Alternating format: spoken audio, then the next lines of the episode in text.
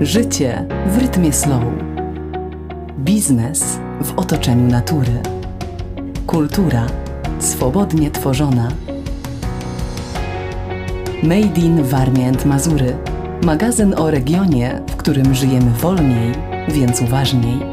Czytać go to przyjemność, a słuchać to luksus. Kamienny splendor. Dlaczego pałac jest w takim stanie? To pytanie najczęściej pada w Sztynorcie. Za jego zniszczoną fasadą kryje się kilka wieków barwnej historii. Chociaż wielu pasjonatów próbowało ją odkryć i opisać, wciąż ujawnia nowe fakty. Może na tym polega magia, o której mówią ludzie zaangażowani w ratowanie pałacu? Kiedy w kwietniu zmarł książę Edynburga Philip Mountbatten, mąż angielskiej królowej, regionalne fora internetowe ożywiły się. Jego pra, pra, pra, prababką była bowiem Maria Eleonora Lendorf z rodu, którego siedzibą przez wieki był otoczony jeziorami pałac w Sztynorcie na Mazurach. Na ten ślad w drzewie genealogicznym królewskiej rodziny brytyjskiej wpadł przed kilku laty dr Jerzy Łapo, archeolog, krajoznawca, miłośnik historii sztynorckiego majątku. Wyliczył, że w żyłach najmłodszego pokolenia Windsorów płynie po 3 na 1024 krwi Lendorfów. Ta ciekawostka znalazła się w jego wydanej pod koniec maja książce Sztynort, Blaski i cienie. Wątek Windsorów pojawił się przypadkiem podczas moich szerokich poszukiwań związanych z rodziną Lendorfów, tłumaczy Jerzy Łapo. Temat jest medialny, choć dla genealogów oczywisty, bo kilka rodów z ziem polskich jest spokrewnionych z Windsorami. Filantropka i lekkoduch. Lendorfowie związani z pałacem w Sztynorcie od XVI wieku znaleźli się także w drzewach genealogicznych rodów panujących niegdyś w Danii i Grecji. Byli cenieni przez królów polskich i pruskich, sprawowali odpowiedzialne funkcje państwowe. W Sztynorcie gościli przez wieki wielu znamienitych gości, jak biskup Ignacy Krasicki. Jego wizyty wiązały się z ucztami i baśniowymi spektaklami z udziałem pałacowej służby. Sami Lendorfowie to plejada fascynujących, choć nie do końca pozytywnych postaci. Nie z każdym chciałbym napić się wódki, żartuje Jerzy Łapo. Wśród nich na przykład Karl I, wybitny wojskowy, który otrzymał propozycję pilnowania na świętej Helenie pokonanego Napoleona, a w pałacu pastwił się nad własną rodziną. Wpływowy Ernst Ahasverus wiedział, jak się ustawić na XVIII-wiecznym dworze w Berlinie, dlatego zwany był Wielkim Lizusem Dworskim. Anna, żona Karla II, jedna z najlepszych zarządczyni majątku, filantropka, która wspierała m.in. edukację Wojciecha Kętrzyńskiego. Jej syn Karl III, dla odmiany lekkoduch, hulaka i naciągacz, po śmierci matki częściowo roztrwonił i zadłużył majątek. Ogrzewał tylko dwa pałacowe pomieszczenia, a jak wspominała spokrewniona z rodem hrabianka Marion von Donhoff, po otwarciu szaf u wuja sypała się pobita porcelana, a pod połamane łóżka podstawiono cegły. Musiał mieć jednak niezwykły urok, jeśli nawet podczas podróży po świecie zdołał zaciągać pożyczki. W archiwach znajdują się monity od jego wierzycieli z Meksyku i Chin, przyznaje archeolog. Zderzenie dwóch światów. Heinrich von Lendorf, który w 1936 roku przejął po stryju Karlu III podupadły majątek, dzisiaj jest najbardziej popularną postacią sztynorskiej historii. Ze względu na prestiż pałacu oraz bliskość wojskowych kwater polowych, w 1941 roku zachodnie skrzydło zarekwirowało Ministerstwo Spraw Zagranicznych III Rzeszy i rozgościł się tu wraz z funkcjonariuszami gestapo Joachim von Ribbentrop. We wschodnim skrzydle hrabia von Lendorf mieszkał z żoną Gottliebe i córkami. Pod nosem nazistów spiskował na życie Hitlera przebywającego w nieodległym Wilczym Szańcu. Po nieudanym zamachu hrabia dwukrotnie uciekał podczas obławy. Za pierwszym razem wyskoczył przez okno do przypałacowego parku. Kulisy spisku, osądzenia i kary śmierci dla spiskowców opisała Antje Wolmer w popularnej w Niemczech i w Polsce książce Podwójne życie. Zderzenie tych dwóch światów pod jednym dachem to sytuacja bez precedensu, przyznaje Piotr Wagner, przewodnik w Sztynorcie, wolontariusz Polsko-Niemieckiej Fundacji Ochrony Zabytków Kultury. Przyjezdni najczęściej pytają, gdzie mieszkał minister Ribbentrop albo z którego okna skakał hrabia przed aresztowaniem. Do dziś pozostało zagadką, na którą nie znamy odpowiedzi, dlaczego nie zostały zamordowane rodziny spiskowców. 82-letnia Vera von Lendorf, żyjąca w Niemczech córka Heinricha, wspominała w wywiadach, że jeszcze po wojnie dzieci w szkole nazywały ją zdrajczynią III Rzeszy. Miałem okazję oprowadzać ją po pałacu. Z dzieciństwa zapamiętała idealnie wypastowane buty Ribbentropa i jego zawsze mokre ręce, dodaje Piotr. Fortepiany i armatnie słupki. Vera, pierwsza niemiecka top modelka i aktorka, zagrała m.in. w filmie Powiększenie Antonioniego oraz Casino Royale Martina Campbella. Przyjechała tu po raz pierwszy po wojnie dopiero w 2009 roku. Mizerny stan pałacu skłonił ją do założenia wspólnoty Lendorfów, która ma na celu m.in. zbieranie funduszy na ratowanie zabytku. Bardzo przyczyniła się do zainteresowania pałacem wśród niemieckiej elity. Zapowiedziała, że o ile pozwoli jej kondycja, odwiedzi pałac w sierpniu, kiedy odbędzie się tu piąta edycja Festiwalu Kultury Stnord. Pałac, wypełniany przez wieki dziełami sztuki, po wojnie opustoszał. Część cennych zabytków wywiózł w głąb Rzeszy Ribbentrop. Resztę stacjonująca tu do 1947 roku Armia Czerwona i szabrownicy. W latach 70. setki cennych mebli, obrazów, porcelany sygnowanych nazwą Steinort odnaleziono w zamku Krippstein w Saksonii. Trafiły z powrotem do rodziny Lendorfów. Obiecali, że po remoncie pałacu przekażą wywiezione stąd wyposażenie. Ludzie ze wsi pamiętali wywózkę pałacowych fortepianów przez Rosjan, a cennymi, oprawianymi w skórę księgami pochodzącymi z tutejszej biblioteki palono po wojnie w okolicznych domach, tłumaczy Piotr. Pałac pozytywnie zapisał się w świadomości okolicznych mieszkańców. Podobno jego hol był zawsze otwarty dla ciekawskich. Sztynort ma niesamowitą aurę, wciąż się go uczę i odkrywam nowe tajemnice, przyznaje Jerzy Łapo. Wiele legend związanych z tym miejscem udało mi się zweryfikować, inne odkryć, choćby tę związaną ze słupkami armatnimi, które przez lata tkwiły przed pałacem i wszyscy widzieli na nich herb Lendorfów. Miały służyć do przywiązywania koni. Okazało się, że przywieziono je w epoce PRL, prawdopodobnie z pałacu w Drogoszach i zabezpieczono nimi narożniki budynku przed maszynami rolniczymi. Żaden z dwóch herbów umieszczonych na słupkach nie należy do rodu ze Sztynortu. Balsam na duszę. Dzisiaj armatnie słupki mogłyby chronić fasadę przed ciężkim sprzętem budowlanym. W barokowym, rozbudowanym w XIX wieku budynku od kilku lat trwają prace zabezpieczające go przed dalszym niszczeniem.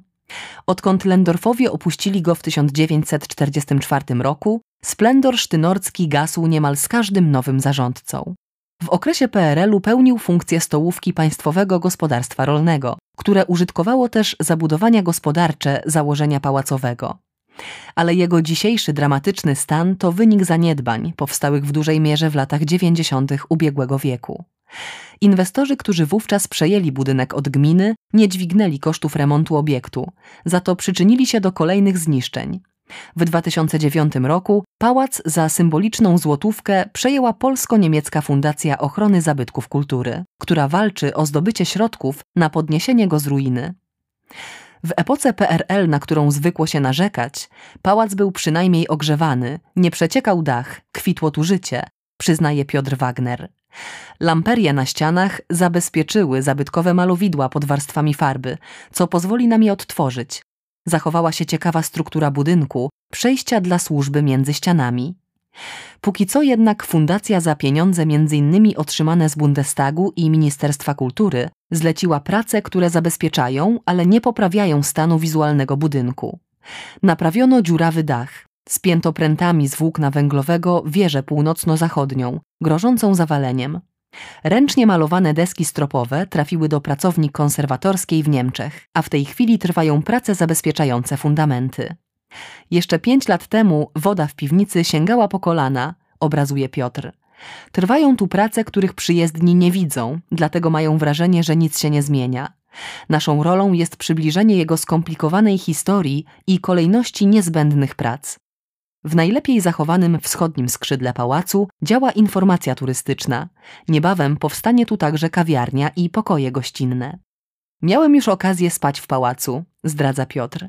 Poza tym, że po budynku biegają szczury, tutejsze powietrze i otoczenie działa jak balsam na duszę. Czuje to chyba każdy, kto tu zawita. Połowa pałacowych gości to turyści zagraniczni, głównie z Niemiec. Finansowa kroplówka. 40 milionów złotych to cena uratowania pałacu, wspólnego dziedzictwa Polaków i Niemców. Wojciech Wrzecionkowski, prezes Polsko-Niemieckiej Fundacji Ochrony Zabytków Kultury, zabiega o to w obu krajach. Odkąd zobaczyłem pałac w latach 80., podczas rejsu żeglarskiego, obudziło się we mnie poczucie misji. Nie spocznę, dopóki go nie uratuję, zapewnia mecenas Wojciech Wrzecionkowski. Odbyłem już setki rozmów, spotkań w kraju i za granicą. Wiele bardzo zamożnych osób deklarowało zaangażowanie, w tym Dominika Kulczyk czy rodzina Blikle. Entuzjazm za każdym razem gasł, kiedy chętni inwestorzy przyjeżdżali na miejsce robić kosztorysy. Mało prawdopodobne jest, aby planując tu komercyjne przedsięwzięcie, koszty zwróciły się w ciągu 10 lat. I dlatego pałac wciąż czeka na pasjonata, który po prostu zechce go ocalić, nie oczekując szybkich zysków. Od trzech lat Bundestag wspiera corocznie fundację kwotą pół miliona euro. Jak wstępnie zadeklarowano w Niemczech, takie pieniądze pałac będzie otrzymywał przez dekadę, ale jak będzie, okaże się pewnie po wyborach odbywających się tam co cztery lata. To nasza finansowa kroplówka, na którą mogliśmy liczyć nawet w pandemii, przyznaje prezes fundacji. W tym roku bezskutecznie zabiegaliśmy o dodatkowe środki w Ministerstwie Kultury. Jesteśmy wciąż społeczeństwem na dorobku, takie zabytki jeszcze długo nie będą priorytetem. Kiedy w Niemczech organizowane są zbiórki na pałac, ludzie wrzucają po 50 euro do puszek. Dzięki temu udało się wyremontować kaplicę rodową Lendorfów. W Polsce próbowaliśmy zebrać w internecie 20 tysięcy złotych na drzwi do pałacu. Poprzez crowdfunding wpłynęło zaledwie 6 tysięcy. Więc na pytanie, za ile lat pałac odzyska dawny blask, odpowiadamy: to nie kwestia czasu, tylko funduszy. Trudno z dotacji nadgonić kilkadziesiąt lat zaniedbań. W tym roku zrobimy elewację najstarszej części pałacu. Będzie to znak, że remont tej magicznej perły baroku jest na dobrej drodze. Atrakcje na niepogodę. Większe szczęście do inwestorów ma ostatnimi laty reszta sztynorskiego majątku. 18-hektarowy zabytkowy park za pałacem, port jachtowy z infrastrukturą i budynki gospodarcze od 2019 roku są własnością spółki King Cross, która wycofała swoje wcześniejsze inwestycje związane z centrami handlowymi. Uporządkowany teren, brak banerów i zlikwidowanie bramy odgradzającej wieś od folwarku. Tym symbolicznym gestem inwestor rozpoczął nowy rozdział lokalnej historii. W planach jest remont zabytkowego spichlerza i oficyny zachodniej, gdzie powstanie m.in. Muzeum Ekologii i Żeglarstwa, multimedialne centrum do nauki żeglarstwa na sucho, sale konferencyjne oraz przestrzenie do pracy zdalnej i coworku oraz kawiarnia. Stojące obok siebie budynki będą połączone nowoczesną, stalowo-szklaną konstrukcją, mieszczącą windy, klatki schodowe i drogi ewakuacyjne. Projekt współfinansowany jest przez Polską Agencję Rozwoju Przedsiębiorczości w ramach programu operacyjnego Polska Wschodnia. Chcemy stworzyć tu atrakcję również na niepogodę, możliwość empirycznego poznawania żeglarstwa, tłumaczy Marek Makowski, koordynator projektu Nowy Sztynort Osada Wolności. Od lat gromadzimy eksponaty żeglarskie, np. zabytkowe kotwice, sprzęt do nurkowania, które znajdą się w muzeum. W trzech budynkach stajennych planujemy stworzyć obiekty tzw. Tak turystyki medycznej, nastawione na profilaktykę zdrowia. Jeszcze w tym roku ruszy remont 14 portowych pomostów, który pozwoli na bezpieczne i komfortowe cumowanie jachtów. Na zakupionym terenie znajdzie się także sześć domów wakacyjnych nawiązujących do mazurskiej architektury. Dbamy, aby pałac i jego okolica były ze sobą spójne. Przykładamy dużą wagę do architektonicznych szczegółów. Prężnie działa także sztynorcka Zęza, kultowy pub znany kilku pokoleniom żeglarzy. Żeglarze są zaskoczeni, że miejsce zostało odtworzone. Często słyszymy wspomnienia o niegdysiejszych imprezach przy szantach, tanim winie i piwie, które tu pijano, dodaje Marek. Dzisiaj wśród wielu trunków goście mają do wyboru jakościową whisky albo rum. Tymczasem w zabytkowym parku od północnej strony pałacu zakończyła się inwentaryzacja dendrologiczna. Wstęp do rewitalizacji 18-hektarowego terenu z zabytkowymi dębami, grabami. Po wstępnym uporządkowaniu uczytelniły się układy angielskie parkowych alei stworzone w okresie baroku. Po przeprowadzonym pielęgnacyjnym przycięciu grabów nieźle oberwało nam się w internecie, przyznaje Marek Makowski ale efekt po czasie jest taki, że odżyły i zazieleniły się. Przy okazji porządkowania terenu znaleźliśmy kilka elementów rzeźb, które zdobiły teren. Wśród nich wielki biceps z piaskowca. Planujemy stworzyć kopię XVIII-wiecznego zegara słonecznego, który stał na polanie parkowej. Wymienia. Selfie z Buddą. Rewitalizacja czeka także dwa obiekty parkowe. Kaplicę jerozolimską i XIX-wieczny pawilon zwany herbaciarnią, zaprojektowany przez Karla Langansa, twórcy Bramy Brandenburskiej w Berlinie. W trakcie badań okazało się, że herbaciarnia została przebudowana i ma inną bryłę niż wskazują opisy historyczne, tłumaczy Marek. W latach 70. ubiegłego wieku pawilon został przez murarzy podniesiony o metr, prawdopodobnie po to, aby wyciągnąć większą stawkę za robociznę. Zorganizowano tu letnią stołówkę dla rolników. Na bazie historycznych zdjęć budynku stworzymy jego model 3D, który pomoże odtworzyć oryginalną bryłę. Ponieważ nie zachowały się fotografie kaplicy, prawdopodobnego prywatnego miejsca zadumy Anny von Lendorf, zostanie odbudowana na bazie historycznych opisów. Fragmenty powybijanych witraży znalezione na stercie gruzu pozwolą odtworzyć kształt okien. W głębi parku otoczonego rezerwatem stoi wielka figura Buddy, własność prywatna inwestora terenu. Przywieziona tu w zeszłym roku zachęca przyjezdnych do spaceru i obowiązkowego selfie. To forma żartu, ciekawostki, tłumaczy Marek. Fotki z naszym już rozpoznawalnym Buddą pojawiają się w internecie po wizytach turystów, żeglarzy przybijających do portu. Są pretekstem, aby odbyć przechadzkę alejkami parku, pobyć chwilę ze sobą wśród spektakularnej przyrody. W pałacu przez wieki gromadzono sztukę ze wszystkich stron świata, którą przywożono z dalekich podróży. Kto wie, może figura Buddy będzie pretekstem, aby zagłębić się w jego historię. Sztynort to miejsce, które nadal czeka na swoich odkrywców, dodaje Jerzy Łapo. Wielu osobom kojarzy się wyłącznie z Niemczyzną. Tymczasem splatały się tutaj i nadal splatają losy wielu nacji. Staramy się pokazać, że to miejsce ważne nie tylko dla dziejów Prus, Niemiec, Polski, ale i całej Europy.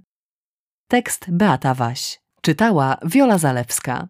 Artykuł pochodzi z 45 numeru magazynu Made in Warmię Mazury.